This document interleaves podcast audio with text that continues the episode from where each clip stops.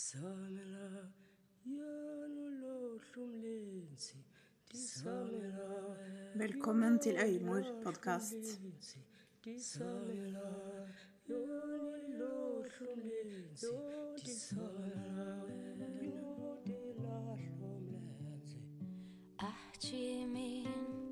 Mitt navn er Silje Nikoline Runesdatter Kvalheim, og jeg er din vert. Øymor podkast er et fellesskap for og med kvinner for å dele livsvisdom, erfaringer og ressurser rundt fødsel og morskap, og om å reise seg etter kamper i mørket. Øyemor er et begrep som ble brukt i Sápmi om tradisjonelle jordmødre og medisinkvinner. En kvinne som kunne se inn i sjela til fødekvinner og med trygghet og kjærlighet støtte henne inn i det ukjente. Både nytt liv og død. Jeg er mor, fødselshjelper og lysarbeider, og min sjels arbeid i dette liv er å støtte kvinner under og etter fødsel, og styrke deres ville natur og deres eierskap til egen kropp og egne historier. Jeg tror at gjennom å dele vår visdom og våre historier skaper vi en verden for våre barn hvor kvinner kan oppleve støtte, kraft og det å bli holdt. I bakgrunnen hører du Mari Boine sammen med Madosini. Velkommen til Øyemor podkast.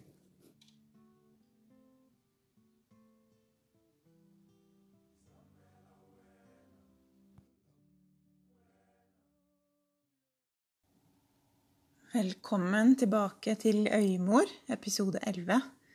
Det føles så lenge siden sist. En hel måned.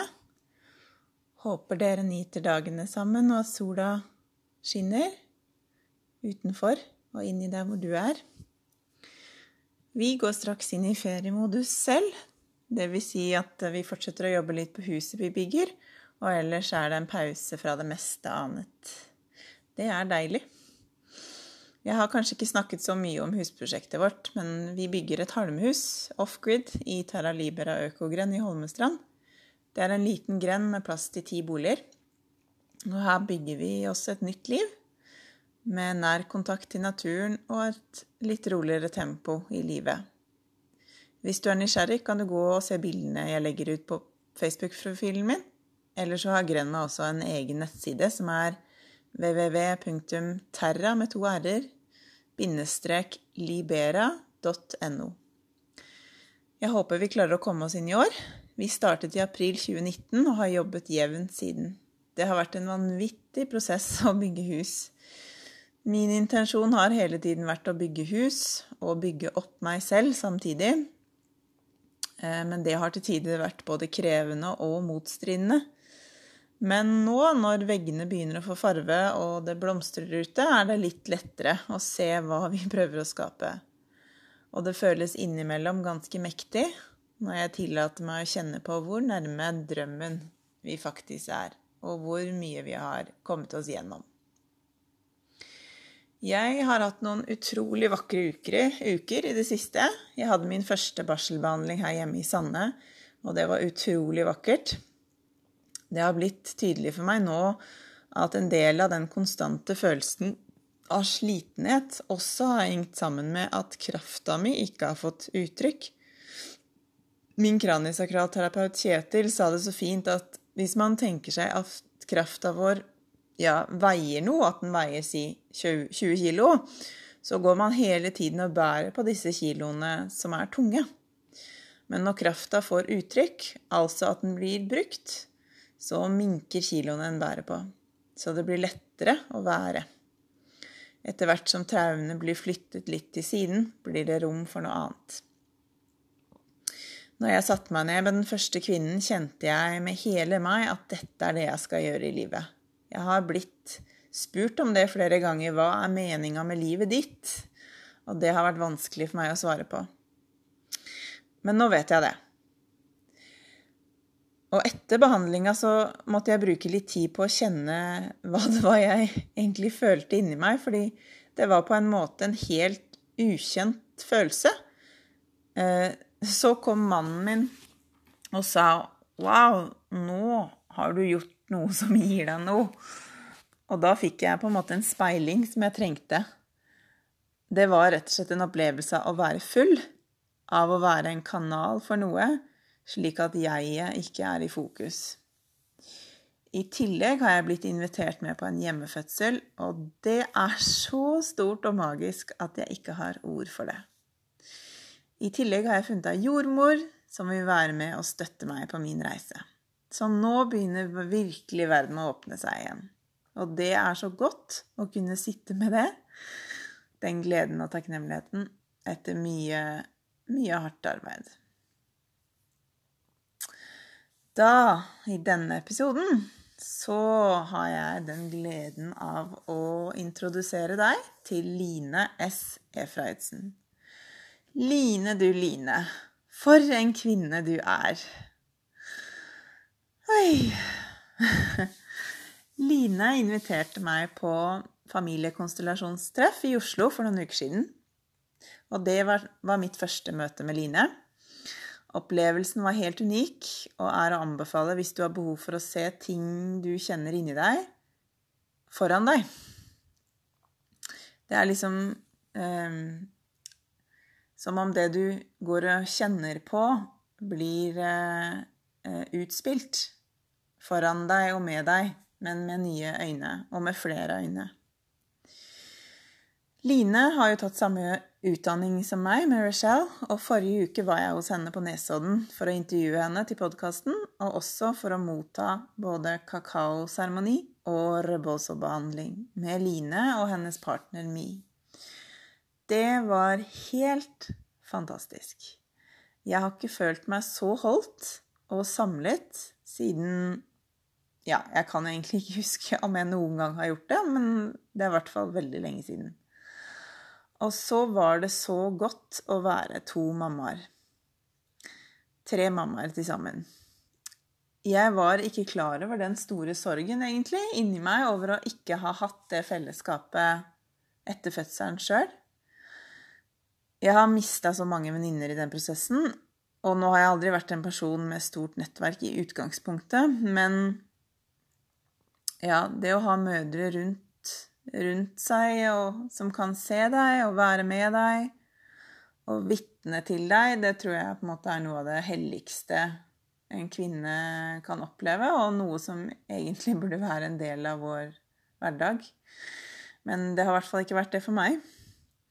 Så det var en kjempe, kjempegod eh, opplevelse. Jeg har jo fått veldig mye kontakt med min mors linje og på en måte det som lever i eteren i de siste fire årene. Men jeg kjente veldig på det når jeg hadde disse to flotte kvinnene sammen med meg, at den klemmen og den nærheten og Ja, det er eh, virkelig eh, både noe med liksom å lande på jorda, men og, og også noe som er på en måte kanskje det næreste, da. Det, det viktigste. Så før jeg går inn og eh, skal fortelle litt mer om Line, så har jeg bare lyst til å dele noe med dere den kvinnen som var hos meg på behandling, delte med meg.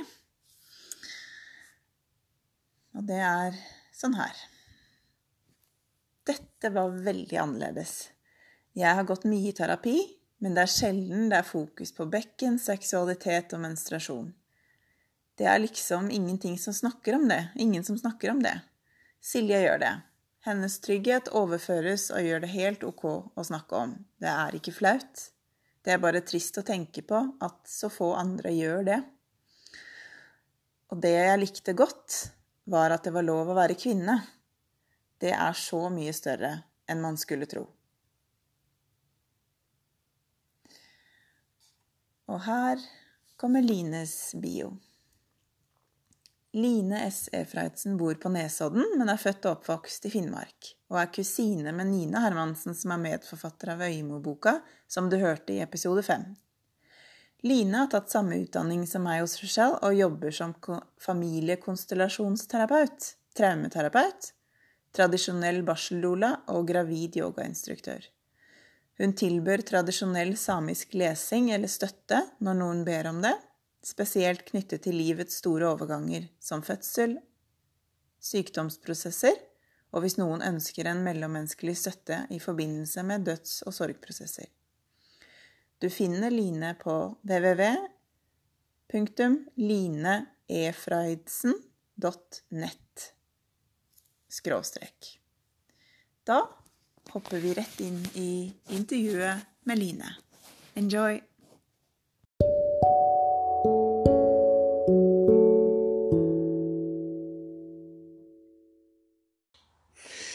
Velkommen, Lina. Takk. til Øymor. Takk, takk. Nå sitter vi her. Det er første intervjuet faktisk, som jeg gjør eh, face to face. Kult. Det er litt hyggelig å være her hos deg. Veldig fint å ha deg her. Mm. Nå må jeg jo bare Vi må jo bare Jeg skal si litt mer om det på introen, men eh, jeg har jo blitt behandlet som en dronning her i dag. Med kakaoseremoni sammen med deg og My. Og robosebehandling. Så nå føler jeg meg Nå føler jeg jeg sitter godt i rota og er egentlig Ja, føler meg veldig godt tatt vare på. Full. Mm, så bra. Eh, ja, kanskje, Line, at hvis du begynner med bare å fortelle hvem du er, hvor du bor, og hvor du kommer fra, hva du driver med, og litt sånn basics av Line. Basics og meg. Jeg er fra Alta. Jeg bodde der de første barneårene mine fra en norsk-samisk familie. Bodde i en fjord utafor Alta sammen med mamma og pappa og farmor og farfar. Em, de to der, de Farmor og farfar har liksom vært um, kanskje de viktigste personene i livet mitt. Og når jeg ser tilbake nå, så tror jeg at de årene jeg hadde sammen med dem, de har farga veldig mye det jeg har blitt. Um, jeg hadde veldig sterkt, og har veldig sterk relasjon til alle, altså alle besteforeldrene og foreldrene mine òg, men det er spesielt farmor og farfar som som bidro, tror jeg, med um, den apropos rotforbindelsen, den rotforbindelsen jeg trengte, da. Um, akkurat nå bor jeg på Nesodden utenfor Oslo. Jeg har to barn. Um, og det har jo etter hvert blitt ganske mange år siden jeg bodde i Finnmark. jeg har bodd lenger borte fra Finnmark enn uh, i Finnmark. Men, uh, men det er noen ting med um, Apropos rota. Det er noe med røttene. Savner du det? Finnmark? Uh, jeg kan si at jeg kanskje savner Nord-Norge mer. Eh, altså Nord-Norge, fordi jeg føler at liksom, slekta mi var liksom litt fra flere områder. Uh, de fleste fra Kautokeino og Masi, men også Hammerfest og Ibestad i Troms. Um, men ellers så hadde jeg jo så utrolig mange fantastiske naturopplevelser i oppveksten. I hele Nord-Norge. Så det er mer det, tror jeg. Eh, samtidig så bor jeg jo på et sted med den vakreste naturen. Um, syns jeg, da. Så jeg føler liksom at jeg får i pose og sekk. Jeg syns livet er sjenerøst. Ja mm. og når det kommer til hva jeg gjør profesjonelt um, Jeg jobber um, med familiekonstellasjoner, har um, individuell og parterapi med folk. Um, jeg bistår med fødselsprosesser. Og um, etter hvert også mer og mer eh, åpent da, i forhold til å følge dødsprosesser, sykdomsprosesser. Um, jeg har jo eh, Hva skal man si Jeg har liksom det jeg har utdannet meg til, og så har jeg det som på en måte har grodd inn innenfra og ut. Og etter hvert som jeg bikka over 40, så har kanskje modninga på en måte blitt at jeg tør å stå mer i begge leirer. Både det som er tradisjonen som kommer innenfra, og, og den profesjonen og den profesjonelle erfaringa jeg har. da. Og så er du barseldoula, sånn som meg, fra Yes. Innate fra Rochelle. Ja. Mm. Det som var litt morsomt med akkurat det, grunnen til at jeg også eh, ønska å ta den Innate-sertifiseringen, det var jo fordi at jeg opplevde at jeg eh, Mye av det jeg gjør, er jo ikke noe man kanskje kjenner igjen i den nordiske konteksten, men jeg kjenner det igjen på verdensbasis. Yeah. Sånn at når jeg oppdaga Rachel sitt arbeid, så heiv jeg meg rundt her. Det er jo begynt å bli noen år siden. Men ehm, da kjente jeg at det var en slags sånn gjenklang i det som jeg har opplevd i møte med mennesker. da. Mm. I sånne heftige livsprosesser, og at jeg kunne kjenne igjen at det hadde et annet språk i mange andre kulturer Mm. enn det vi har klart å bevare i det norske og det samiske. da. Samiske har jo heldigvis mye mer av det enn det norske, men, men når jeg traff liksom hele den her innate postpartum doula-triben, som er i alle land omtrent, er jo stort blitt på veldig kort tid, um, så så jeg også at um, det som jeg opplever og erfarer gjennom de prosessene med mennesker som jeg jobber med, det har noen navn. Det har noen begrep i andre tradisjoner som ikke er blitt borte. da. Mm. Det er litt sånn fascinerende akkurat det der. Jeg tenkte på det her om dagen. At um, det er liksom noe med alle de der uh, aspektene uh, som på en måte eller, ligger eh, latent, eller ligger eh, skjult, hvis man ikke tar fram et språk og navngir de. Og at vi, eh, før man navngir de, så er det akkurat som de ikke fins. Og at eh, viktigheten av å ta de fram i lyset og Eller at noen tar det fram i lyset, egentlig. Sånn at det gir ord og begreper for andre. Gjenklang i andre, da. Pluss at du kan ta bort de begrepene, og så vil de etter hvert slutte å eksistere. Ja. Mm. Ikke sant? Og du kan si de vil slutte å eksistere på et visst plan. Mm. Men så tror jeg at en del av oss som er knytta til noe mye dypere, Mm. som har en lengsel, så vi vet at det er et eller annet som mangler i det her språket. Mm. I det samiske språket så har det jo øh, mange flere begrep og veldig mange fenomen som er knytta til livet. da. Mm. Mens i det norske så kanskje vi vi har på en måte glemt noen av de begrepene som jeg tror var veldig latent Mm. i, i måten folk beskrev overganger i livet, fødsel um, Alle de her sjelsovergangene Ja. som vi Vi kan godt si konfirmasjon og sånn, og så vet alle hva det betyr. Mm. Men jeg Men hva tror, er det men det handler om? Men jeg tror egentlig mange måte? kjenner at det ligger noe annet der også. Som, som kanskje også begynner å våkne mer og mer. da. Mm. Flere og flere unger som, som kjenner at ok, jeg vil gjerne ha den overgangen, men jeg vil gjerne ha noe mer. Mm.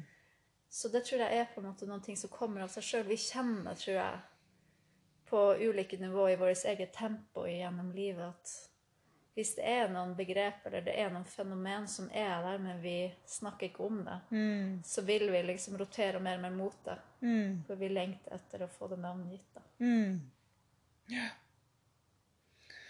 Jeg tenker, eh, Line, kan du forteller liksom litt om din reise inn eh, i møte med traumer og det med overganger, livsoverganger? Um, ja, altså Det har tatt meg en stund tid å finne ut av hva den, hva den reisen har handla om. Ehm, jeg tror Noe av det tror jeg er en sånn reise som, som er evig. Som liksom ikke er bare min reise, men som er på en måte en del av livsreisen til livet. da. Men da jeg var liten, så jeg vokste opp da i en norsk-samisk familie.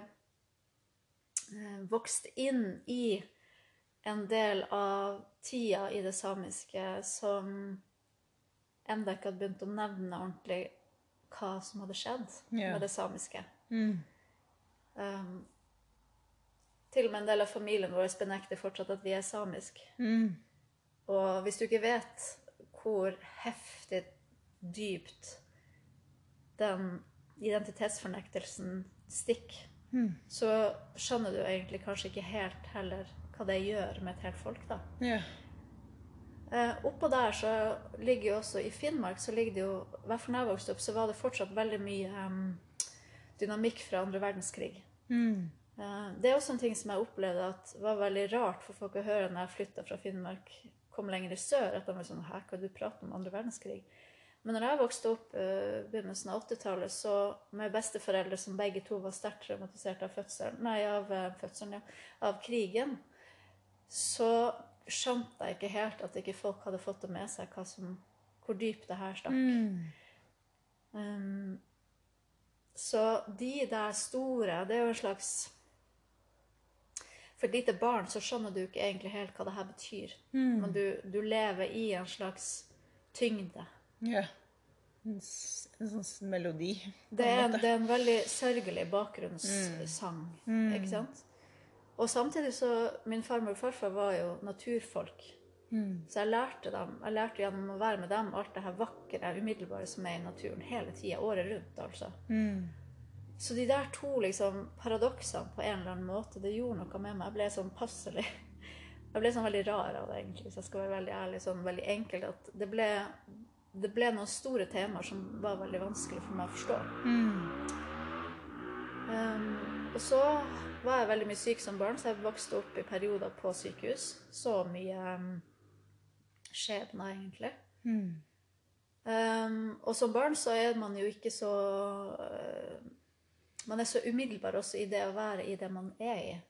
Så det også blir en slags opplevelse som man bare tar. da. Mm. Men da kunne jeg jo også se barn som var syke av, dødssyke av kreft. Eh, barn som hadde overlevd brann, som bare var pakka inn fra topp til tå. Og jeg skjønte vel egentlig i den prosessen Jeg var mye inn og ut av sykehus til jeg var åtte. Um, at sånne uh, umiddelbare øye, sånn øyeblikk av sånn glede, da. Hvor, du, hvor livet bare er helt sånn magisk. Og samtidig dødsalvorlig på en gang. Altså, ja, igjen det her store skiftene. Og så når jeg var åtte, så døde nabogutten vår. Han var to år. Og det tror jeg var liksom første gang jeg virkelig satte meg og bare OK, hva er det som Hva er det her for noe? Mm. Um, og da når jeg spurte liksom, folk rundt, liksom, rundt meg hva er det som skjer, hvor blir han av, hvor ble han av, Mm. så var det veldig vanskelig for de rundt meg å på en måte møte meg, for jeg hadde så veldig mange spørsmål om døden, og, og hadde jo allerede på sykehuset da hatt mange sånne dødsvarsel. Mm. Så altså um, Som jeg tenkte også, fordi både mormor og, og, og farmor hadde jo også det samme, at de drømte fødsler Mm. og drømte mm, sykdom og død, holdt jeg på å si. Det er ikke så veldig uvanlig i det samiske, men man snakker bare ikke så mye om det. Mm. Men spesielt min mormor var jo utrolig sånn sanndrømt. Men det sanndrømte, det, det kjente jeg på en måte igjen. Så det var liksom ikke noe jeg tenkte at oi, det var rart. Men, men da han her gutten døde, så ble det plutselig litt sånn komplisert for meg. Mm. Fordi at jeg også trengte å vite, ikke bare varsel om at han døde, men, men hva som skjedde med han. Så jeg fikk mange store spørsmål. Og alle de her spørsmålene selvfølgelig var jo um, det som altså etter hvert leda meg til å søke mer og mer. Uh, så veldig mye rart som skjedde med meg, og jeg skapte mye forvirring for meg sjøl gjennom puberteten, 20-årene. Um, men det var egentlig fødsel av første barnet mitt som på en måte satte fingeren på at traumer må du finne ut av. For det var en ganske vanskelig fødsel, en ganske um, um, En ganske krevende situasjon, for å si det veldig enkelt. Uh, og da er jo livet veldig Din intrikat. fødsel? Eh, Fødsel av det første barnet. Mitt første barn. Mm. Og livet er jo litt sånn interessant, da, fordi at eh, når det her da eh, Etter den første fødselen, så, så var det en som kom, en, en kompis av pappa til barna, som sa at eh, du, jeg har vært på noe som heter familiekonstellasjon, jeg tror du må gå. Og jeg visste ikke hva det var. Wow. Og, han, og jeg tenkte at når han sa det, så var det sikkert noe lurt i det, for jeg kjente at det var riktig. Ja. Han sa jeg tror at du kommer til å digge det her. Ah, ok, Så jeg for dit. Martha Thorsheim hadde familiekonstellasjonsgruppe. Dette var i 2006 i Oslo. med noen tyske lærere på det tidspunktet som var knytta til uh, Helleringinstituttet, som det heter da. Nå heter det IOPT. I alle fall, jeg for dit. Og for det første, det var så sjokkerende opplevelse. Altså, jeg fikk helt Å, Å, herregud, hva er det her for noe? Men samtidig så så jeg at det gikk an å sette ord på noen av den der tyngden og det mørket jeg hadde kjent på så lenge. Yeah.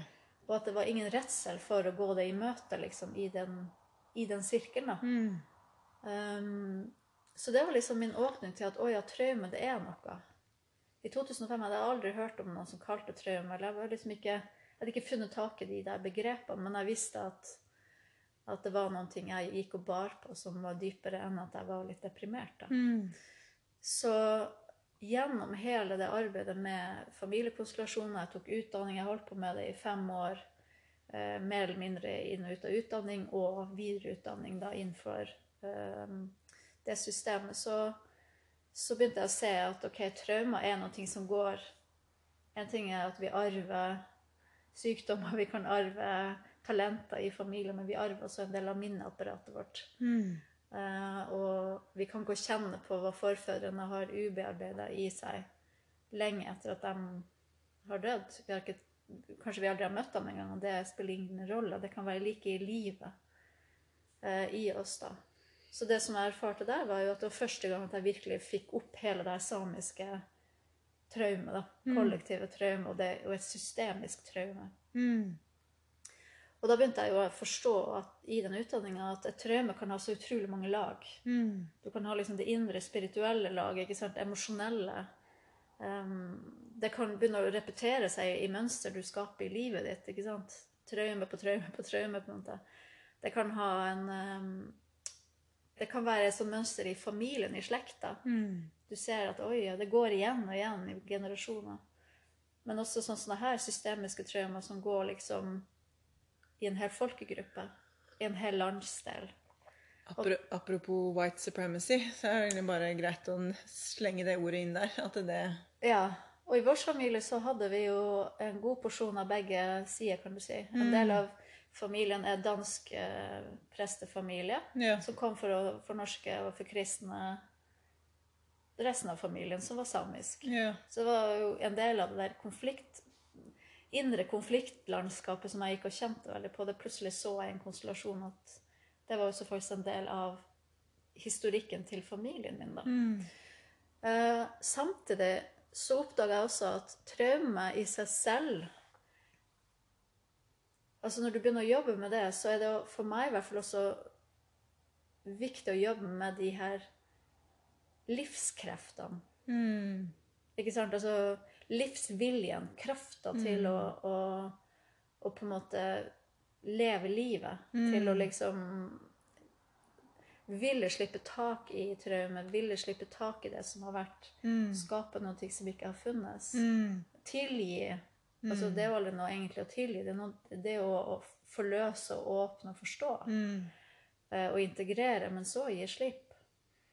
Um, og jeg vet ikke liksom hvordan det her er for andre folk, men for meg så, så kjente jeg at det å samtidig jobbe med, med alle talentene og alt det, det som våkner når du begynner å jobbe med traumen og slippe tak i sånne her store greier, så begynner det å våkne så mye kreativitet og livskraft. og så mens jeg holdt på med det her eh, traumearbeidet på instituttet og fikk vanvittig mye hjelp, det må jeg bare si, så kjente jeg også at det var, det var noe annet som skulle som skulle, som skulle liksom bli det jeg skulle jobbe mest med. Så i mange år så jobba jeg ikke med familiekonstellasjoner i det hele tatt. Jeg mer, gikk mer i retning av um, gravidyoga, begynte å ta opp det her med dans igjen. Uh, tok uh, kurs i akupressur, for jeg kjente at det er noe mer som foregår. Så at jeg ville ha tak i noe eh, som på en måte også kan kan danse sammen med alt det her som også er krevende. Eh, og i den prosessen som når jeg holdt på med det, så, så begynte jeg å jobbe mye mer med liksom eh, kvinnesirkler, kvinnekraft. Eh, tok fram tromma igjen. Um, og da begynte jeg å se at det var noe annet som begynte å kalle liksom litt på meg, og det er jo de her store overgangene. Mm. Så hver gang jeg assisterte en fødsel, for det her nå, i det forbindelse med at jeg begynte å løsne på mine egne traumer, så begynte folk å ringe og si at vi har hørt at du assisterer en fødsel. Og det syns jeg var så merkelig, for jeg hadde liksom ikke Jeg hadde på en måte ikke sagt at jeg gjorde det. Altså, jeg, når, men eksempel, når jeg begynte å tenke meg om, så hadde jo folk spurt meg om det ganske mange år. Og da hjalp jeg til. Men det var ikke noe jeg liksom tenkte at jeg jobba med. Det var mer at jeg Ja, for det var noe du vokste opp med? Jeg mener jeg husker at du nevnte det. Det der med lesinga kom jo liksom litt i, sånn forsiktig. Det lura seg inn med alt den her sanndrømminga og alt det her. Mm. Så det å, at jeg skjønte mer og mer etter hvert som jeg ble litt eldre, at Og det her tror jeg er ganske sånn mange i det samiske som kan kjenne seg igjen, at du får rett og slett bare noen sånne innsikter i ting som er på vei til å skje. Mm. Og det kalles for lesing. Mm. Så det var liksom aldri noen ting jeg sa så veldig mye da jeg var yngre, men jeg, jeg så ting. Uh, og jeg kunne få informasjon om stedet jeg kom, og så kunne jeg plutselig bare lese hele historikken til et sted. Mm. Var det bilder for deg, eller hvordan var det det liksom viste seg for deg? Eh, Nå når jeg er litt eldre og har jobba mer med det, så kan det komme i alle mulige sanselige former. Det kan være liksom impulser, kjenne, følelser. Men som oftest så er det akkurat som at en setter seg ned og forteller meg. Her har det skjedd sånn. Yeah. Personligheten det. Døde da. Tror du? Mm. Så det er ren, konkret informasjon. Mm. Dette skjedde sånn og sånn her. Mm. Um, det er også sånn som ofte kommer i forbindelse med en fødsel, f.eks. Mm. Sånn her blir fødselen. Hvis det er det som på en måte er informasjon. Det er ikke alltid det er informasjon. Men det er jo eh, noen ting som man ikke snakker så mye om. Og det er ikke bare samiske som har det sånn. Det er, altså det er et fenomen jeg syns jeg vokste opp med i Nord-Norge generelt. Ja. Mm. Um, for jeg tror at når du lever veldig tett på natur, og du er Naturen bestemmer i Nord-Norge. Selv når i det moderne Norge, så er det sånn, i hvert fall når jeg vokste opp, naturen bestemmer. Mm. Så når du er masse i naturen, og du, du er åpen, så vil du kjenne hva som er på vei. Du kjenner hva det er slags vær som er på vei. Du trenger ikke å gå på yr.no. Mm. Men i det så har du også en økt kapasitet til å kjenne andre ting som er på veien. Mm. Det er så spennende, det der. For det er på en måte, der setter du egentlig liksom ord på det derre Hva er det man finner ved å liksom Eller liksom være i naturen? Som, altså som en del av livet. Være og tilbringe tid. Det er jo nettopp det der du sier, at du lærer deg å lytte. da. Du lærer deg å lytte på det som kommer. Eh, og så ekspanderer bare det i alle retninger på en måte av livet. da.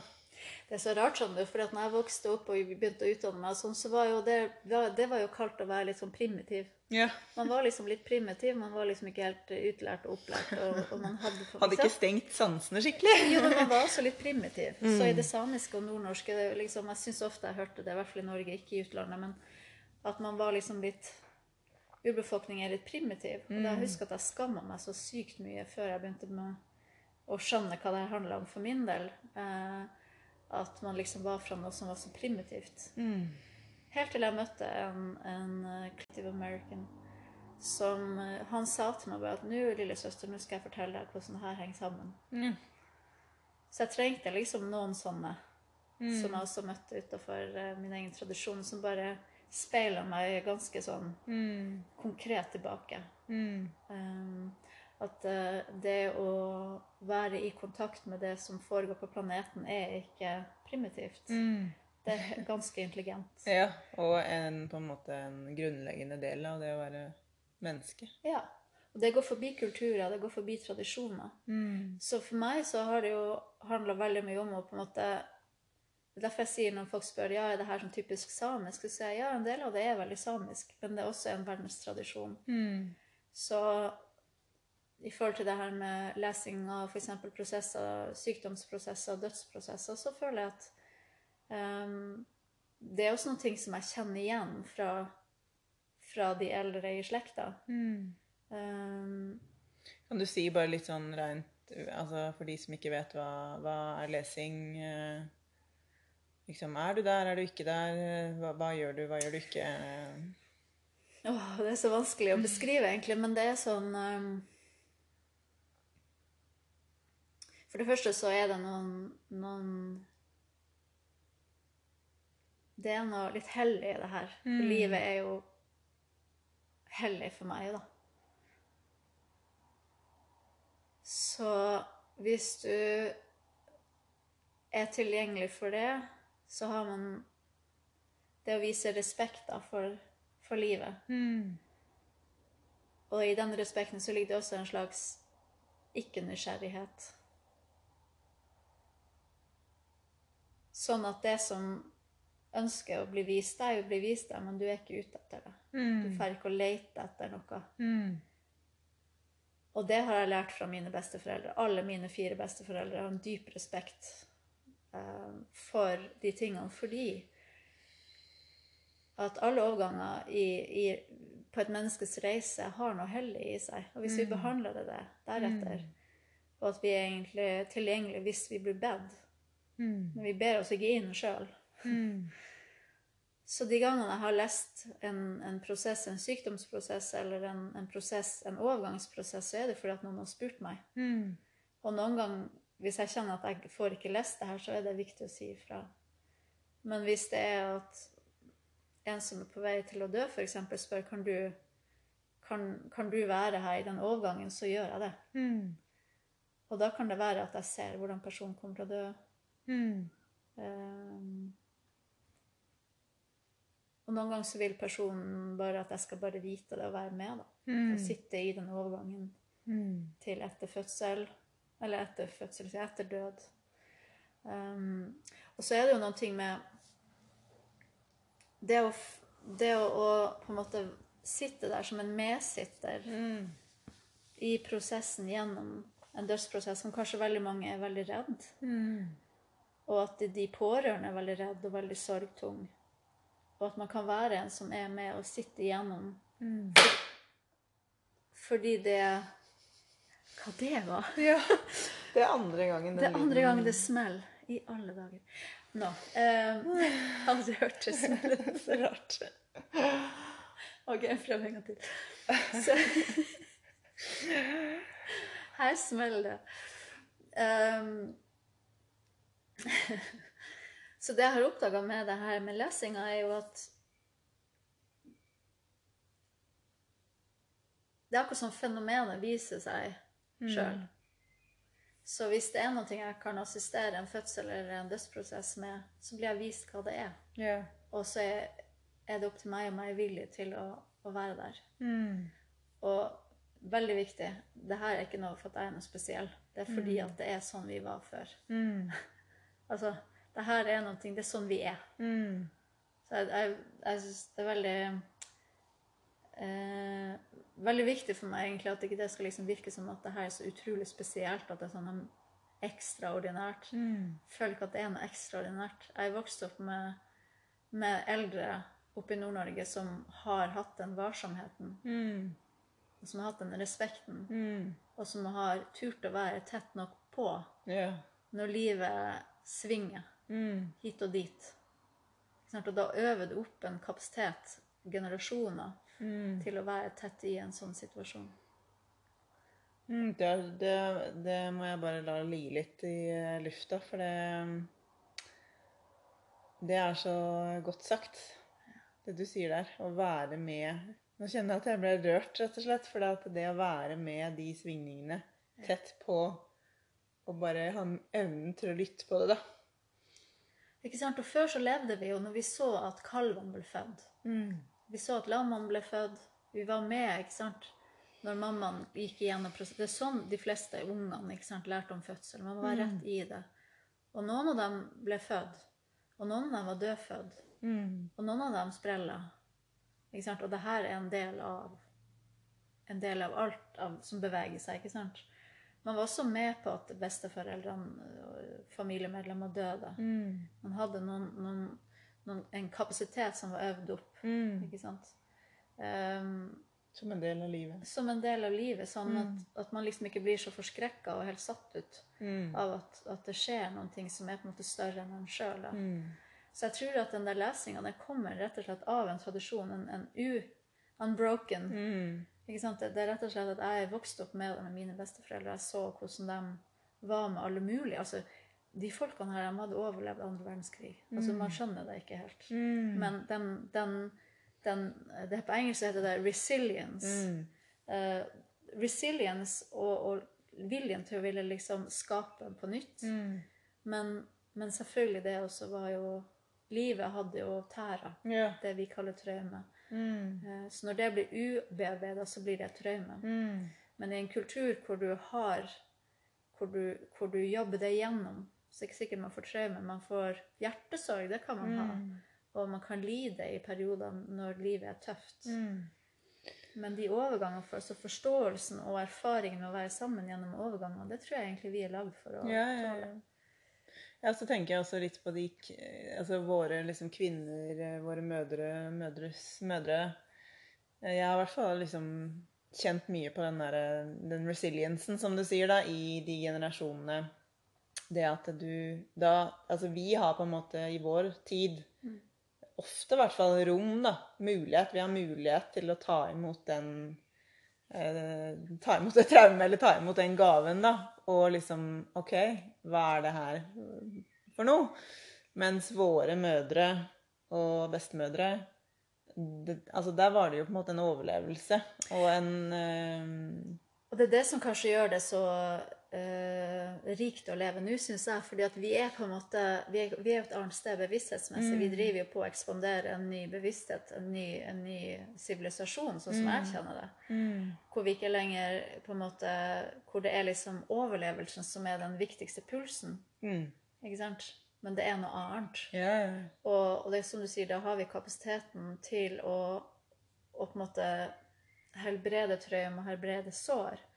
Eh, men vi kjenner jo også at da må vi hente opp noe av det som på en måte har forsvunnet litt, et par generasjoner fra oss. Eh, som handler om det der samhandlinga med det store, da, med natur. Eh, hvor det her kanskje bare er en del av vår totale kapasitet som mennesker. da. Eh, og at det kommer kanskje Det får kanskje mer plass nå, da, fordi at folk er mye mer åpne for det enn bare for 20 år siden, eller 10 år siden, eller 5 år siden.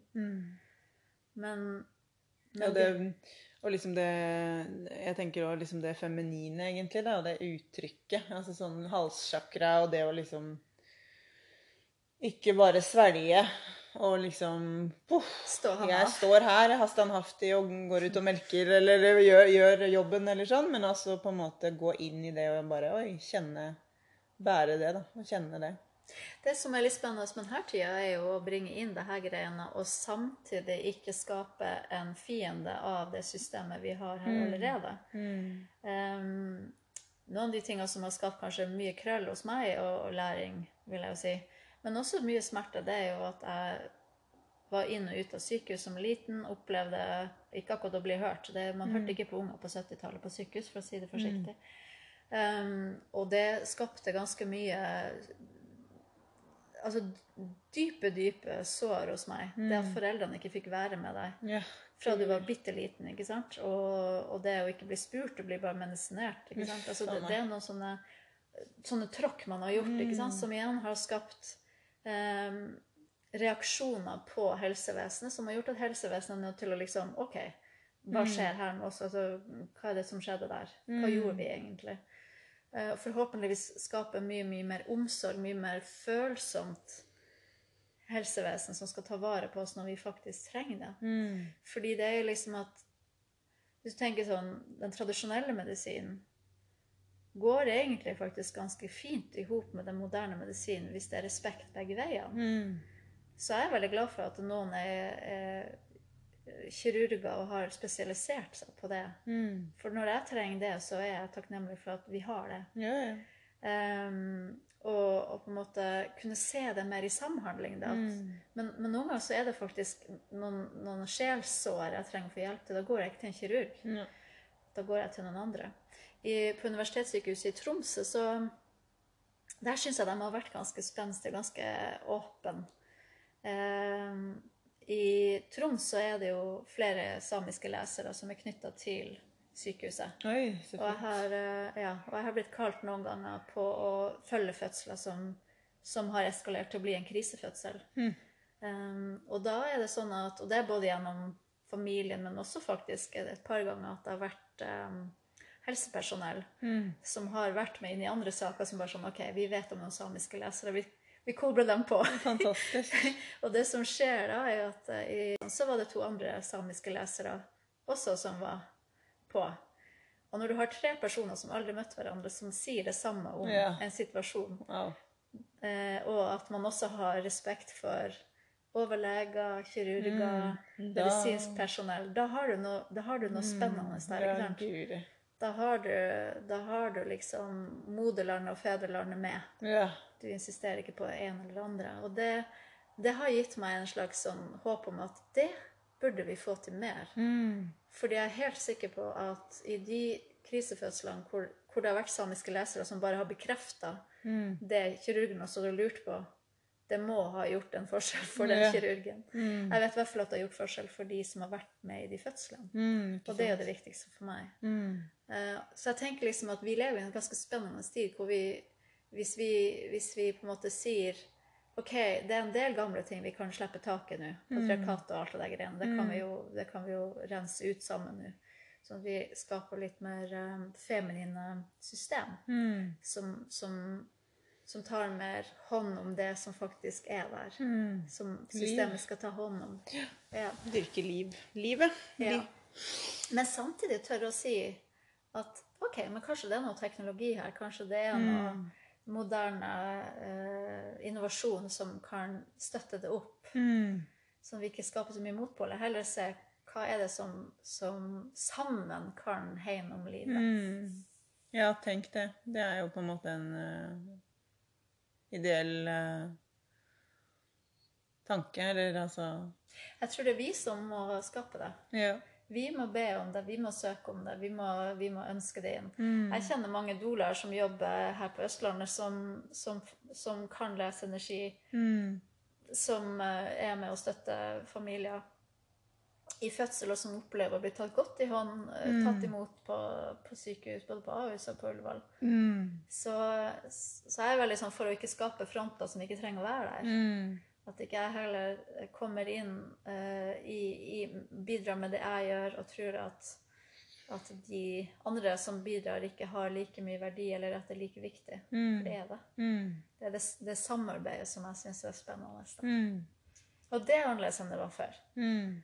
Det, er jo, det er jo en grunn for at man begynte å skulle ha alle samiske mødre som skulle føde, insisterte på at de skulle på sykehus oppe i Tromsø eller i, i Hammerfest. Um, og at de samiske Og det skjer nå faktisk fortsatt. Altså Mine familiemedlemmer må jo kjøre minst tre timer til sykehus Ja. i dag, i 2020, liksom. Mm. Um, og det er klart det skaper noen ganske tøffe kvinner. Altså De kvinnene som føder i Finnmark, altså hallo, de er dødskule. Mm. Jeg har en kusine som har stått på Sennalandet liksom, og bare hm, Tre meter snebølger Nei, tre meter med snøskavl, ikke sant? Ja. Um, men samtidig så er det jo sånn at det burde jo egentlig ikke trenge å være sånn. Nei, og det har jo ikke Altså sånn altså når man, Det var jo på en måte en aktiv avgjørelse å stenge fødestuen og gjøre Altså sentrere fødetilbudet. Det er jo på en måte Det er jo både òg, liksom. Det. Jeg tenker jo at uh, kvinner er så forskjellige. Og de som assisterer fødsel, er så forskjellige. Mm. Så tenk om vi heller kunne jobbe for å ha uh, mye større variasjon i tilbud. Mm. Ja, Også både òg. Ikke sant? Og Absolutt. at, eh, at, at For det var jo Trenden var jo på en måte på vei dit også i Norge for noen år siden. At, uh, at det var en, en støtte i forhold til det å ha jordmor hjemme. Mm. Det er jo noen ting som oldemødre og bestemødre tok som en selvfølge, at man fødte hjemme. Mm. Så ser jeg jo at noen fødsler selvfølgelig er best å ha medisinsk personell til stede Mm. hvis man skal redde liv. Uh, men det ene kan på en måte ikke erstatte det andre Nei. når det gjelder fødsel, nei, nei. nei. for eksempel. Og det samme er faktisk med dødsprosesser. Mm. Eh, jeg hadde et foredrag i Oslo i, i november hvor vi snakka om døden eh, som en del av på en måte, Man gikk inn i vintertida og Mm. Um, alle seremoniene og alt jeg gjør på oktober-november, handler ofte om døden. Du Mm. går inn i, i den naturlige uh, prosessen av av det i naturen. Mm. Og hvis vi mennesker tør å lene oss inn i det, så blir vi ikke så innmari redd. Mm. Um, men i hvert fall på det seminaret så um, Det var en fredag kveld, og kom det masse unge mennesker. Jeg var jo helt i sjokk. Mm. At de hadde lyst til å snakke om døden. Og det som det viser for meg, det er at unge mennesker har ikke bare lyst til å gå på diskoer, og slå ut håret. De har også lyst til å snakke om de her dypere tingene. De har lyst til å snakke mer om døden. Ja. Um, og det var en sånn nesten litt sånn aha-opplevelse for meg. At en hel sal var full, og folk ville prate om, om døden på en fredag. Ja, det er på en måte så bortgjemt, eller det er, det er jo så viktig del av livet. Jeg tror mange liksom gjenkjenner det, at det er noe som er så ekte. Vi skal alle dø, liksom. Men så er det hvor finner du den visdommen? Hvor er, hvem er det? Hvor er den personen jeg kan snakke med om det, liksom? Men på samme måte som helsevesenet har liksom eh, eh, på en måte tatt litt sånn, slått litt ring rundt fødsel, så har jo det åndelige, altså, eller ikke det, det religiøse, yeah. Ja, prestene har liksom slått litt ring rundt døden. Eh, og da blir jo det litt sånn fjernt fra alt annet, hvis man, hvis man på en måte ikke, hvis man ikke føler at jeg resonnerer med det, så har du ikke noen andre å gå og snakke eksempel om, om døden. Da. Kanskje du har noen venner som tør å snakke om døden, eller, eller du søker en østlig tradisjon som også tør å snakke om døden. Det er jo noen meditasjonspraksiser som handler mye om å tørre å møte døden. Um, men uh, altså Jeg syns jo det er litt spennende hvis man kan åpne opp også det feltet og ta det religiøse på en måte litt sånn Åpne litt det feltet rundt døden, at det ikke bare handler om at det er prester eller Ja, ja, som skal på en måte ta den men Hva mer er det som plass plass til innenfor det å møte en dødsprosess? Um, og det som jeg kan se sånn litt mønster nå når jeg har holdt på med det her eh, i mange år, så er jo at veldig mange av de samme liksom, bølgene og tegnene på en, en fødsel er det samme i en dødsprosess. Og, og det å på en måte gå og på en måte være i de forskjellige bølgene i en dødsprosess kan ha liksom de samme forventningene og kravene som en fødsel. Um, og for eksempel på, på sykehjemmet oppe i Alta, på Furuli, der har jeg jo fått se hvor utrolig varsom de som jobber der, er sammen med de pårørende når det er en dødsprosess, og hvor utrolig følsomt og mykt de liksom seiler inn i det. Mm. For de har gjort en erfaring, og det er jo det nordnorske. ikke sant? Sånn at man, man har kanskje den litt nordnorske tradisjonen inn i det. Eh, og den respekten og, og, og liksom den stillheten som kommer. Eh, det som jeg ser, er jo ofte at det usagte er jo hva skjer etter. Så hva skjer etter med den som er død, og hva skjer etter med de som er igjen? Og hvordan følger man det på samme måte som etter en fødsel? Etter en fødselsprosess så tar vi vare forhåpentligvis på mor, vi tar vare på babyen. Det vi har lært i Innate, det her Innate-sertifiseringsprogrammet, det er jo at mor skal ha varm mat, få hvile, sove, bli tatt hånd om, ikke noe masse støy og styr. Ikke sant? Alt det her vi har lært. Eh, Det samme er etter en dødsprosess. Mm.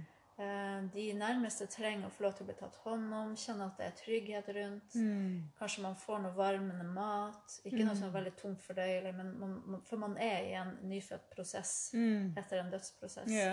Det har skjedd noen ting. Mm. Um, og i det nordnorske, jeg husker jo min familie, det, det bare slo til med en gang da faren min døde. Og alle starta den prosessen i forhold til meg og mora mi. Og, og måten de på en måte bare tok vare på i så lang tid som det trengtes. Det er jo nesten den derre Altså Det er jo på en måte den derre mors Jeg, jeg bare får opp den derre å, å være en mor for mor, eller sånn Det å på en måte gi den varmen og omsorgen og kjærligheten og, og gjenerobre egentlig det folkelige, eller det Altså gå ut av de, de der kjernefamiliene, på en måte, og ekspandere til et nettverk eller et fellesskap hvor man på en måte bryr seg om de som går igjennom de prosessene. Og tørre å komme litt nærmere på uh, i en prosess hvor man ikke vet helt hvor folk er i Ja. sin sorg. Her på Nesodden, jeg må jo si, um, i den prosessen etter at faren min døde, så det var altså ukevis så hang det nystekt brød på døra vår. så fantastisk. En dag så lå det en pakke med sushi der. Det var ingen lapp, det var ingenting. Det var bare noen som hadde vært der og visste liksom at vi må sørge for at de folkene har spiser. Yeah. Altså, det er Mm. jo utrolig vakkert. Mm. Og du kan si det er sånn i alle dager, men når du er i en prosess hvor, du, hvor livet har tråkka på ganske hardt inn, og, og liksom alt er i oppløsning Det viktigste er at du spiser gjennom prosessen. og Det er det, det, er det siste du har overskudd til. Sørge for at du får i deg noe næring. Ja. Men det er jo samfunnet rundt som på en måte har det overskuddet til å sørge for at du, må spise litt. Mm. Ikke sant? Sånn som en mor og ligger og etter en fødsel kanskje sliten og sånn. Ok, men ta, ta litt mat. ja. Men mor trenger ikke å gå inn på kjøkkenet og begynne å koke for alle folk. Nei, nei, nei. Mm. Man har en slags, man har en slags innebygd forståelse for hva det er Mm. den overgangsprosessen egentlig krever. Da. Mm.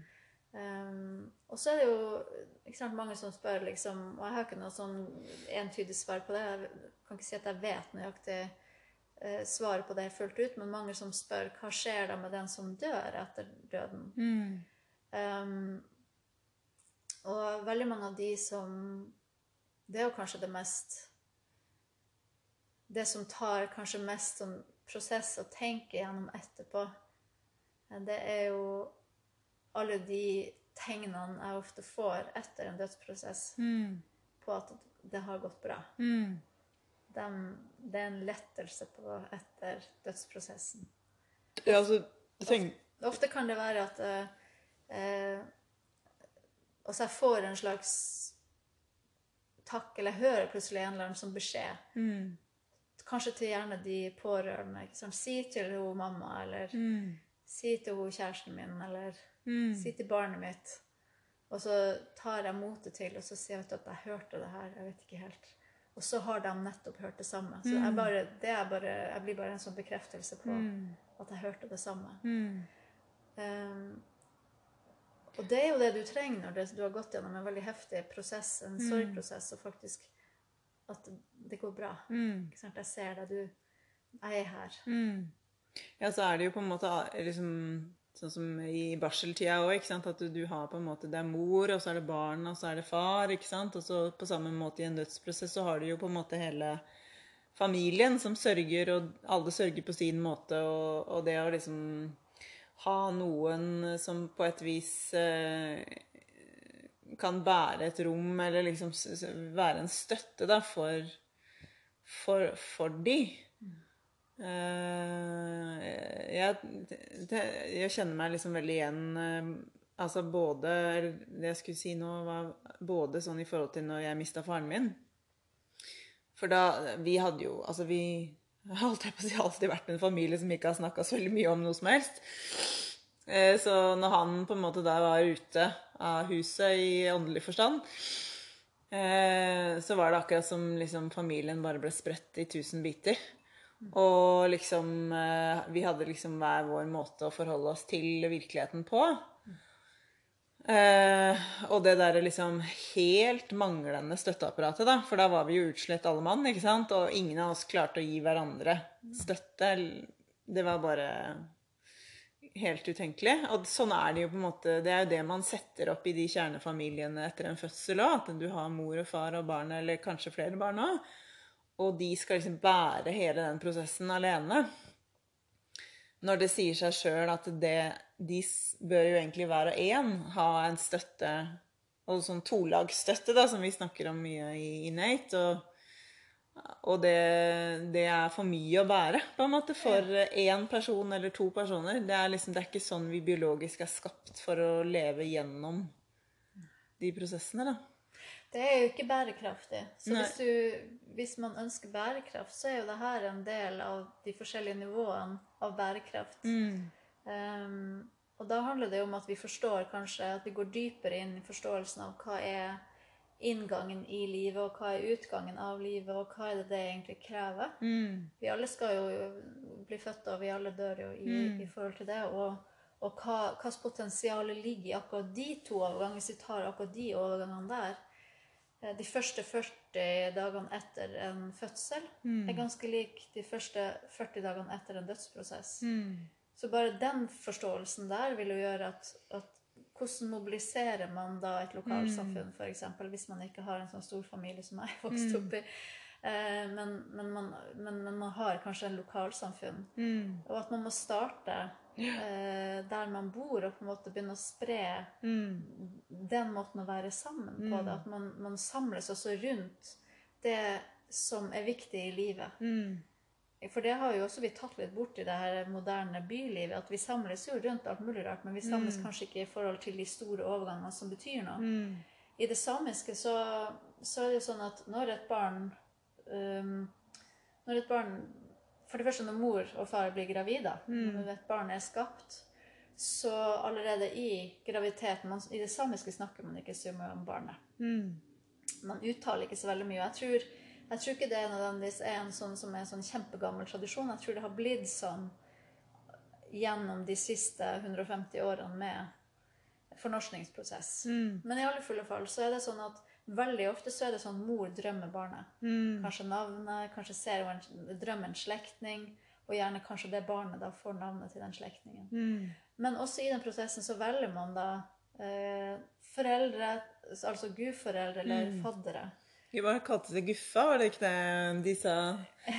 Ja, altså alle de forskjellige her har jo alle forskjellige relasjonene inn til den personen har en helt unik kobling på det barnet. Mm. Så for eksempel, eh, jeg er jo vokst opp med gudforeldre, eh, og alle de der, eh, fire der, de var liksom helt essensielle for meg da jeg var liten.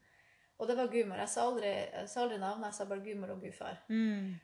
Og det at det mennesket da kjenner at det er en dypere binding enn at jeg er bare din fadder. Yeah. Jeg er faktisk ditt livsvitne, og jeg, jeg er med stor ære kalt inn til det. Mm. Da betyr det at det er allerede en, en aksept fra begge veier. At Mm. vi har en helt spesiell forbindelse. Og så har du jo navnesøster, navnebror har også en spesiell forbindelse. Og så har du eh, familiemedlemmer og alt mulig rart. Men så kan du ha en i samfunnet som, som kanskje er en sånn kvinne eller en mann som er litt eldre, som kanskje ikke har egne barn, men som ser akkurat deg veldig spesielt. Mm. Og som kanskje er sånn Mentor, på en måte, ja. Mm. sett deg helt fra du var liten. ikke sant? Og det har kanskje en, både en praktisk, men kan også ha en litt sånn åndelig karakter. Mm. Og i nordnorsk er det her ganske vanlig at du har en som alltid har sett deg. Mm. Ikke sant? Så du springer til når du ikke får liksom, godis hjemme, så springer du dit, yeah. og så tar man en sukker, eh, sukkerbit i kaffen. ikke sant? Det er sånn som jeg vokste opp. Og da, men, men det er en person som også kan se deg. Mm. Altså det er opplevelsen av at livet ser deg gjennom en person Ja. som sier 'jeg vet'. Mm. Jeg ser, jeg vet hvem du er. Mm. De der, der nettene der, Mm. det er i det samiske er, er på en måte integrert. fordi at i Sirdal-tradisjonen så var det det mest bærekraftige å gjøre. Ja. Mm. Men når det praktiske går sammen med det åndelige, Mm. da har vi på en måte en dybde på alle relasjonene som vi kanskje mister litt i dag. da. Ja, og så tenker jeg at, eh, at vi husker Altså sånn min generasjon, i hvert fall, da. Altså det, er jo, det er jo på en måte noe vi ikke vet. Altså vi vet ikke Hvis vi ikke har vokst opp med det, så vet vi ikke hvordan det skal være. Eh, og det er jo der de menneskene som vet det, er så viktige, eller de som husker det, da, eh, innately, holdt jeg på å si. At man kan på en måte Ok, men hvordan skaper vi den støtten i vår tid, da? Om det er i, fam i familie, eller om det er naboer, eller om det er nettbasert, eller, eller hvordan det er, da. Men at man, man har en, øh, en- bevissthet rundt å skape den støtten da, som på en måte vi, vi alle trenger, da. Jeg har tenkt litt på det, for på Samefolkets dag 6. februar så tok jeg det her opp som tema når jeg skulle holde sånn tale på kommunehuset her på Nesodden. Eh, og i veldig, det som slo meg litt, det er jo at veldig ofte så søker man jo eh, noen som forstår en, men man søker gjerne i sin egen aldersgruppe. Mens det jeg snakker om her, det er flergenerasjonert, Ja, ja, ja. som betyr at du har noen som er 30-40 år eldre enn deg, har vært Mm. på planeten lenger enn deg, men du har også noen som er mye yngre, Mm. som kommer inn med det der nye perspektivet. Du har ehm, Det er ikke sånn at i, i Sidas-tradisjonen eller, eller i mange andre småsamfunn også rundt omkring som fungerer, for det er ikke sånn at alt fungerer, bare for at det er litt utafor, så er det også sånn at um, du har flere perspektiv, så du ikke bare er sammen med folk som er helt enige med alt det du mener, men du bare faktisk blir utfordra. Men at det allikevel ligger en slags um, en, en gjensidig avhengighet av at vi faktisk må respektere hverandre. Fordi at når vi har sånne store flytende, så kan vi på en måte, vi kan drive med sånn som vi gjør nå, med sånn her trolling av hverandre. Så det er jo helt eh, koko, egentlig. Men ikke sant, så når, du, når, når, når det jeg sier, faktisk har betydning for noen på lengre sikt, yeah. og jeg har dem rundt meg hele tida, Mm. så blir det en annen relasjon enn hvis jeg kan sitte her og være sur på en i Tokyo, og det har aldri noen konsekvens for meg. Så det er jo det som på en måte, kanskje det vi er nødt til å på en måte, ta litt opp igjen. For det er klart at når alle kompisene dine er i USA og Australia og på nettet alle veiene, så er det en annen type relasjon enn at man også har relasjoner lokalt der hvor Ja. kroppene våre eh, er. da. Men um, det som ofte skjer, oppdager jeg, da, det er jo at når vi begynner å tenke på de her sammen, sammensetningene av folk som på en måte vi ønsker å ha rundt oss i fødsel, f.eks. etter fødsel i barsel, så blir vi sånn at vi ser på vår egen familie, og så får vi tapsfølelser. fordi at ja, mamma, vi går ikke så godt i hop, og han pappa er ikke så interessert. og sant? Vi har ikke noe til felles med ikke sant? Og så ser vi plutselig bare alle manglene ved den kjernefamilien som på en måte det moderne samfunnet forventer at vi skal ha. Sånn at vi må på en måte også tørre, tror jeg nå, å si litt mer at ok, men her hvor jeg bor, hva kan jeg gjøre her? Jeg også tenker at støtte på en måte er så mange lag, da. Det kan jo på en måte være mat, eller det kan være liksom barnevakt, eller det kan være en time her eller en telefonsamtale der. Det kan på en måte være så mange forskjellige ting, da. Det er nettopp det. Mm, og det, men det er jo det som er bevisstheten rundt det, egentlig. Hva er den støtten for mor eller familien, da? Ja. Og så er det liksom hva som er støtte for en umiddelbart, og hva er det som er støtte på lengre sikt. Og det som er på lengre sikt, som kanskje går mer på det, det sjelelige og det åndelige, kan jo godt være at den, den nærmeste personen man har med å speile med, kan godt sitte på et annet kontinent. Fordi den åndelige kontakten kan man jo connecte på. Men det er også noe vi trenger for kroppene våre lokalt. Knytte oss til her hvor man finnes, da. Men jeg syns det skjer eh, vanvittig mye kule ting. Og, altså, bare gjennom den koronatida, alle de refleksjonene som har kommet opp, syns jeg, og høre av folk rundt omkring eh, Ja, alle de jeg kjenner fra rundt omkring, både her og, og andre land, um, er jo liksom sånn Jeg ser at naturen har blomstra til. Jeg kjente at det var godt å slappe av, være mer hjemme. Stryke ned alle de der 40 punktene jeg hadde på to do-list, og gjøre to. Ikke? Vi har fått en eller annen erfaring av Ja. at det er noe annet som skal til. Og hvis vi gjør det samtidig, alle sammen, så får vi noen resultat som kommer umiddelbart. Ja, du, det blir en sånn skifte av hvor eh, Altså makta i en eh, Mangel av bedre ord, da. Men altså krafta i fellesskapet, egentlig, da.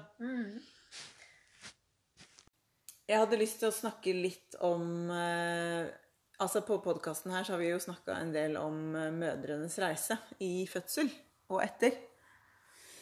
Eh, fars reise har, gjenstår, og det har jeg lyst til å komme mer inn i. Men jeg har også litt lyst til å snakke med deg om eh, barnets reise. At barnet har sin reise, sin agenda, sin fødsel.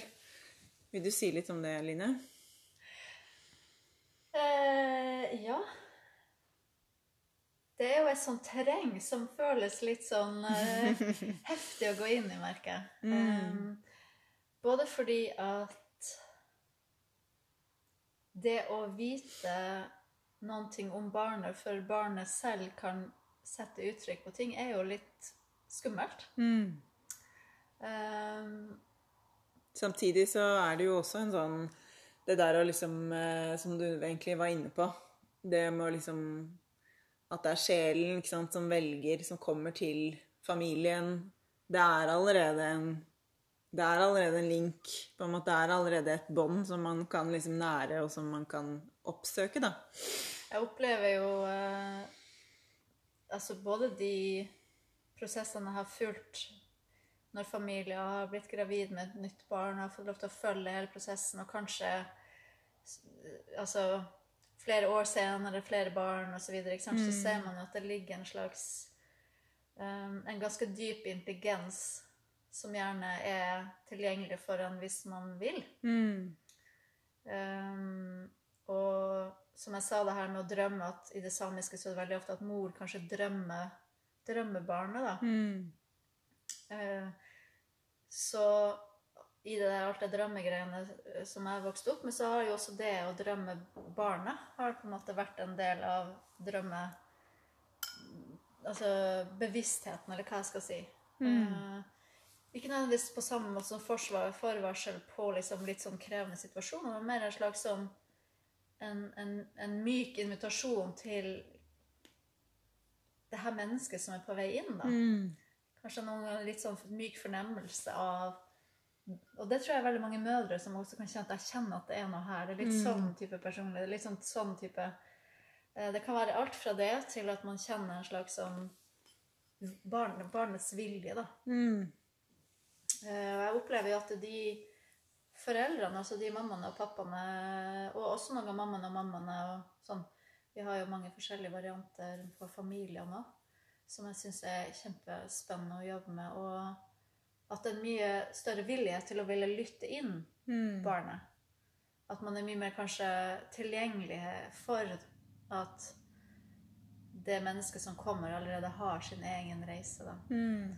Og det gjør jo at det selvfølgelig blir mye mer tilgjengelig det, den stemmen barnet har. Mm. Um, og så er det jo sånn at veldig ofte de fornemmelsene og de impulsene som kommer i forkant i forhold til fødsel f.eks., eller de første halve år, eller noe sånt, det stemmer veldig. Mm. Eh, Så, og det på en måte tar jo Hvis man kan måtte også ta litt bort den, den følelsen kanskje mange foreldre sitter med, at man ikke gjør god nok jobb, eller man får det ikke til hvis liksom ikke alt går etter boka, liksom. Mm. Så kanskje det ligger noe litt dypere i det, en slags dypere læring, eller dypere ting som, som den familien er i gang med å forløse. Mm. Det er ikke noe feil. Nei, Det trenger ikke å være etter boka. Det er kanskje veldig sjelden at ting er etter boka, og slags bok. mm.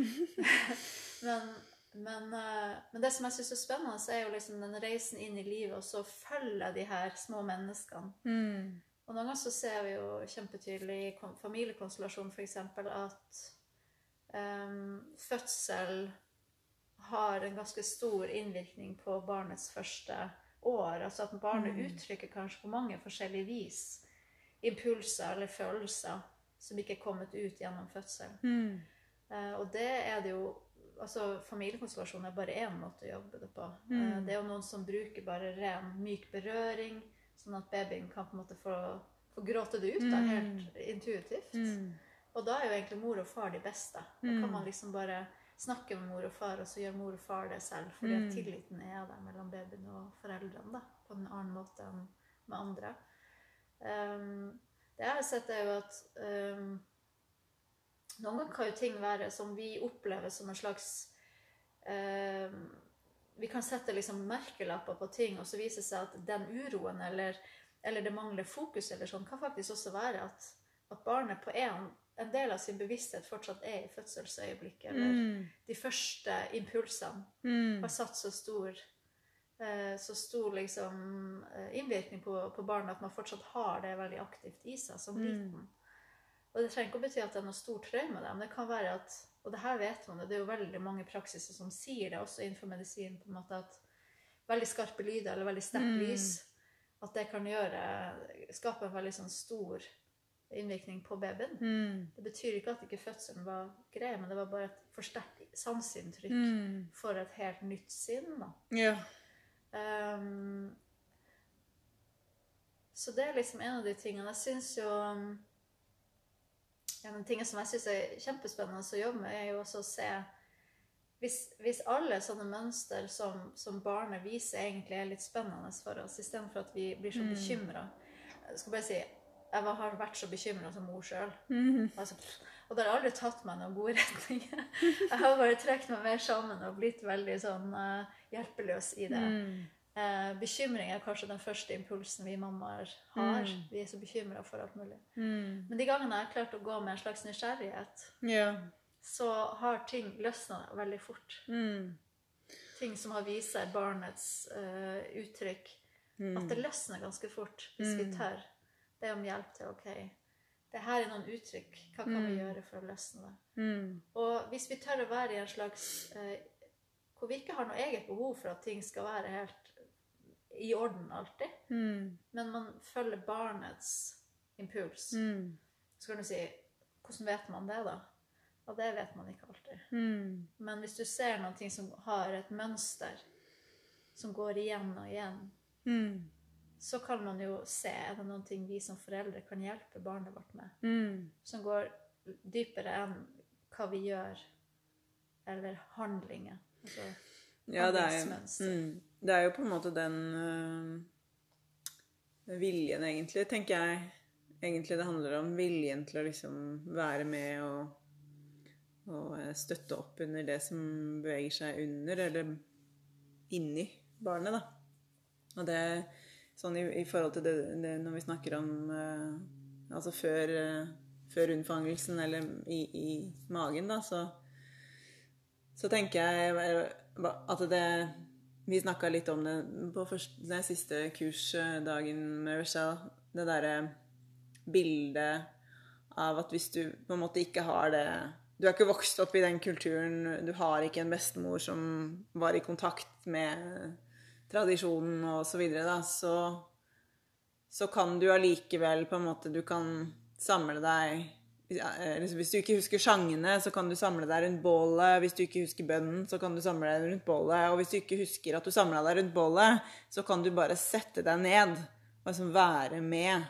Og det er jo det jeg tenker sånn For det å liksom skulle ta kontakt med barna kan sikkert være en sånn altså, Hva gjør jeg hvis jeg skal ta Eller sånn at det blir en sånn mental eh, altså vanskelig å forholde seg til på en måte. Men egentlig så handler det jo bare rett og slett bare om det om å sette seg ned med barnet. Som du setter deg ned med en, et fysisk barn, eller et eh, Og så tenker jeg det, det er to ting som jeg opplever i hvert fall er viktig for meg, eh, og når jeg jobber med foreldre, det er jo at vi skiller på mitt indre barn, altså Mm. de behovene jeg ikke fikk stilt i min barndom, som, som en del av meg fortsatt eh, Strever etter, eller Ja, satt lengter etter, eller kanskje Mm. ønsker at livet skal gi meg, osv., inntil jeg oppdager at det er det som foregår. Og hva er det som skjer i barnet? Sånn at man, opp, man er oppmerksom og blir mer, trener opp oppmerksomheten mm. å finne ut av er det, er det min indre prosess som er i gang nå? Sånn at jeg faktisk ikke helt får med meg hva det er barnet mitt trenger. mm, Og er det barnet her ute som signaliserer noen ting? mm, Ikke sant? Sånn at man klarer å, å på en måte være såpass, såpass stille inni seg at man kan sjekke inn mm, ok, hva er det slags slags signal som kommer fra barnet mitt her? mm, og er det noe jeg kan bringe inn for å hjelpe barnet? mm, Og noen ganger så er det jo sånn at, at det er mamma som best kan gjøre det. mm, Og noen ganger så at det er best at noen andre gjør det. mm, For man ikke har den emosjonelle bindingen. mm, Ikke sant? Så noen ganger så er det jo morsbindingen som er på en måte det som hjelper barnet å komme igjennom noen ting som barnet holder på med. mm, Fordi at man kjenner den umiddelbare connection til barnet.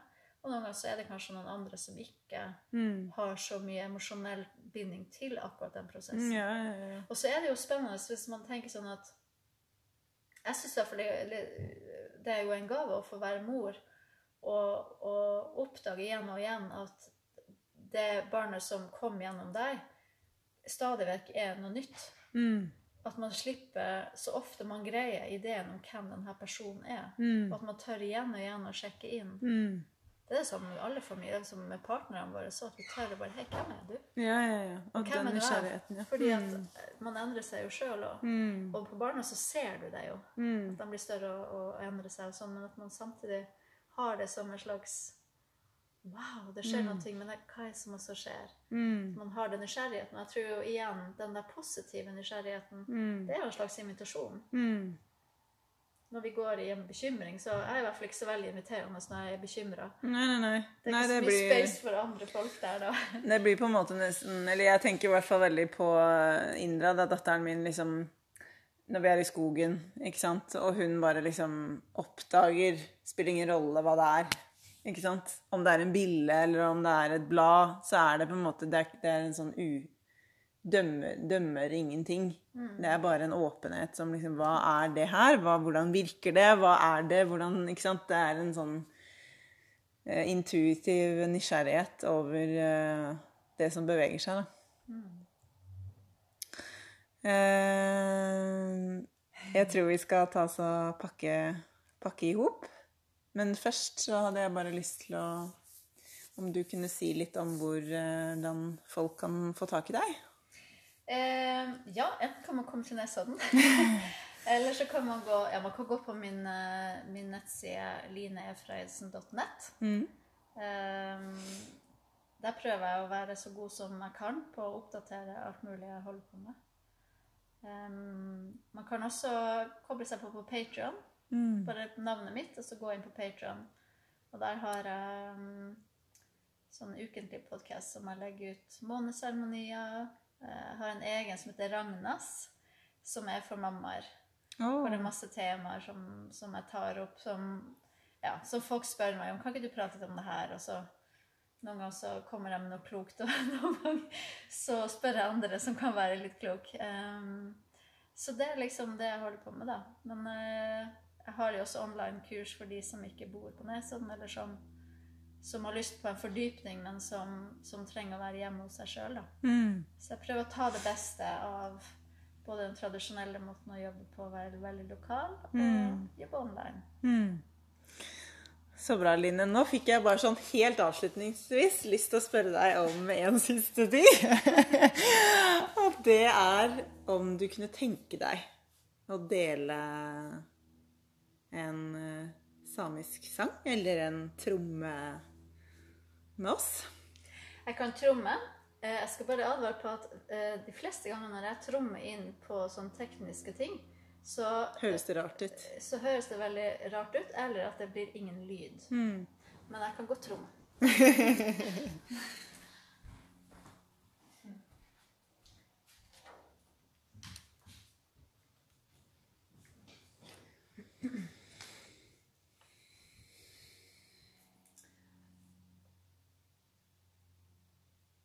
du vet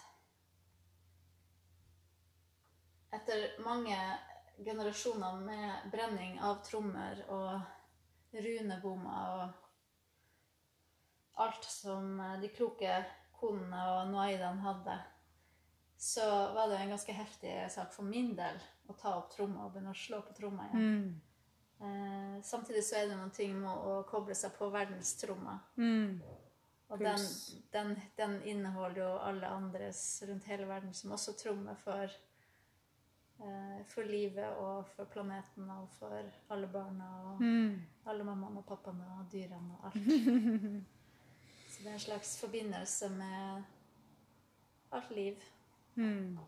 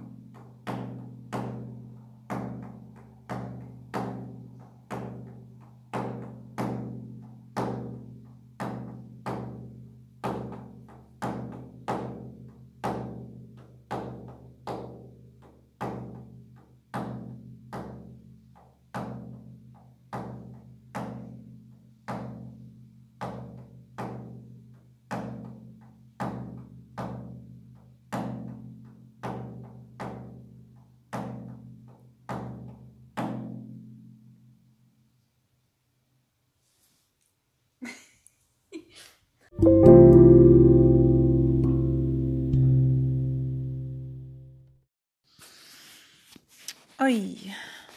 Det er nesten vanskelig å sammenfatte det, den samtalen med ord. En episode med så mye kraft. Så jeg tror ikke jeg skal si så altfor mye avslutningsvis. Bare at ved siden av meg akkurat nå har jeg en vakker hvit hund som heter Korsi. Hunden passer vi litt om dagen. Korsi er fra Sør-Amerika og er den desidert mest elegante hunden jeg har møtt. Hun er så samlet og tydelig, og det er en glede å få være sammen med henne. Jeg har fremdeles to gratisbehandlinger igjen. Hvis du kjenner noen som kan ha glede av å motta en slik behandling, ikke nøl med å ta kontakt. Jeg gleder meg til å ta imot kvinner i grenda vår etter hvert. At de kan komme til meg og oppleve å bli tatt imot og bli tatt vare på. Ikke bare gjennom hva jeg har å tilby, men også gjennom å være nær naturen, med sansene og i stillhet. Vanligvis har jeg planlagt neste episode i denne episoden, men denne gangen har jeg behov for å la etterdønningene av samtalen hvile litt, før jeg bestemmer veien videre. Neste episode kommer uansett ut 14. august, så følg med på Facebook og Instagram. Du kan også lese mer om meg og hva jeg driver, om, driver med på nettsiden min www.imother.com. Og så kan du støtte podkasten med et lite månedlig beløp på www.patrion.com imother. Dette er en støtte og et bidrag jeg setter enormt stor pris på.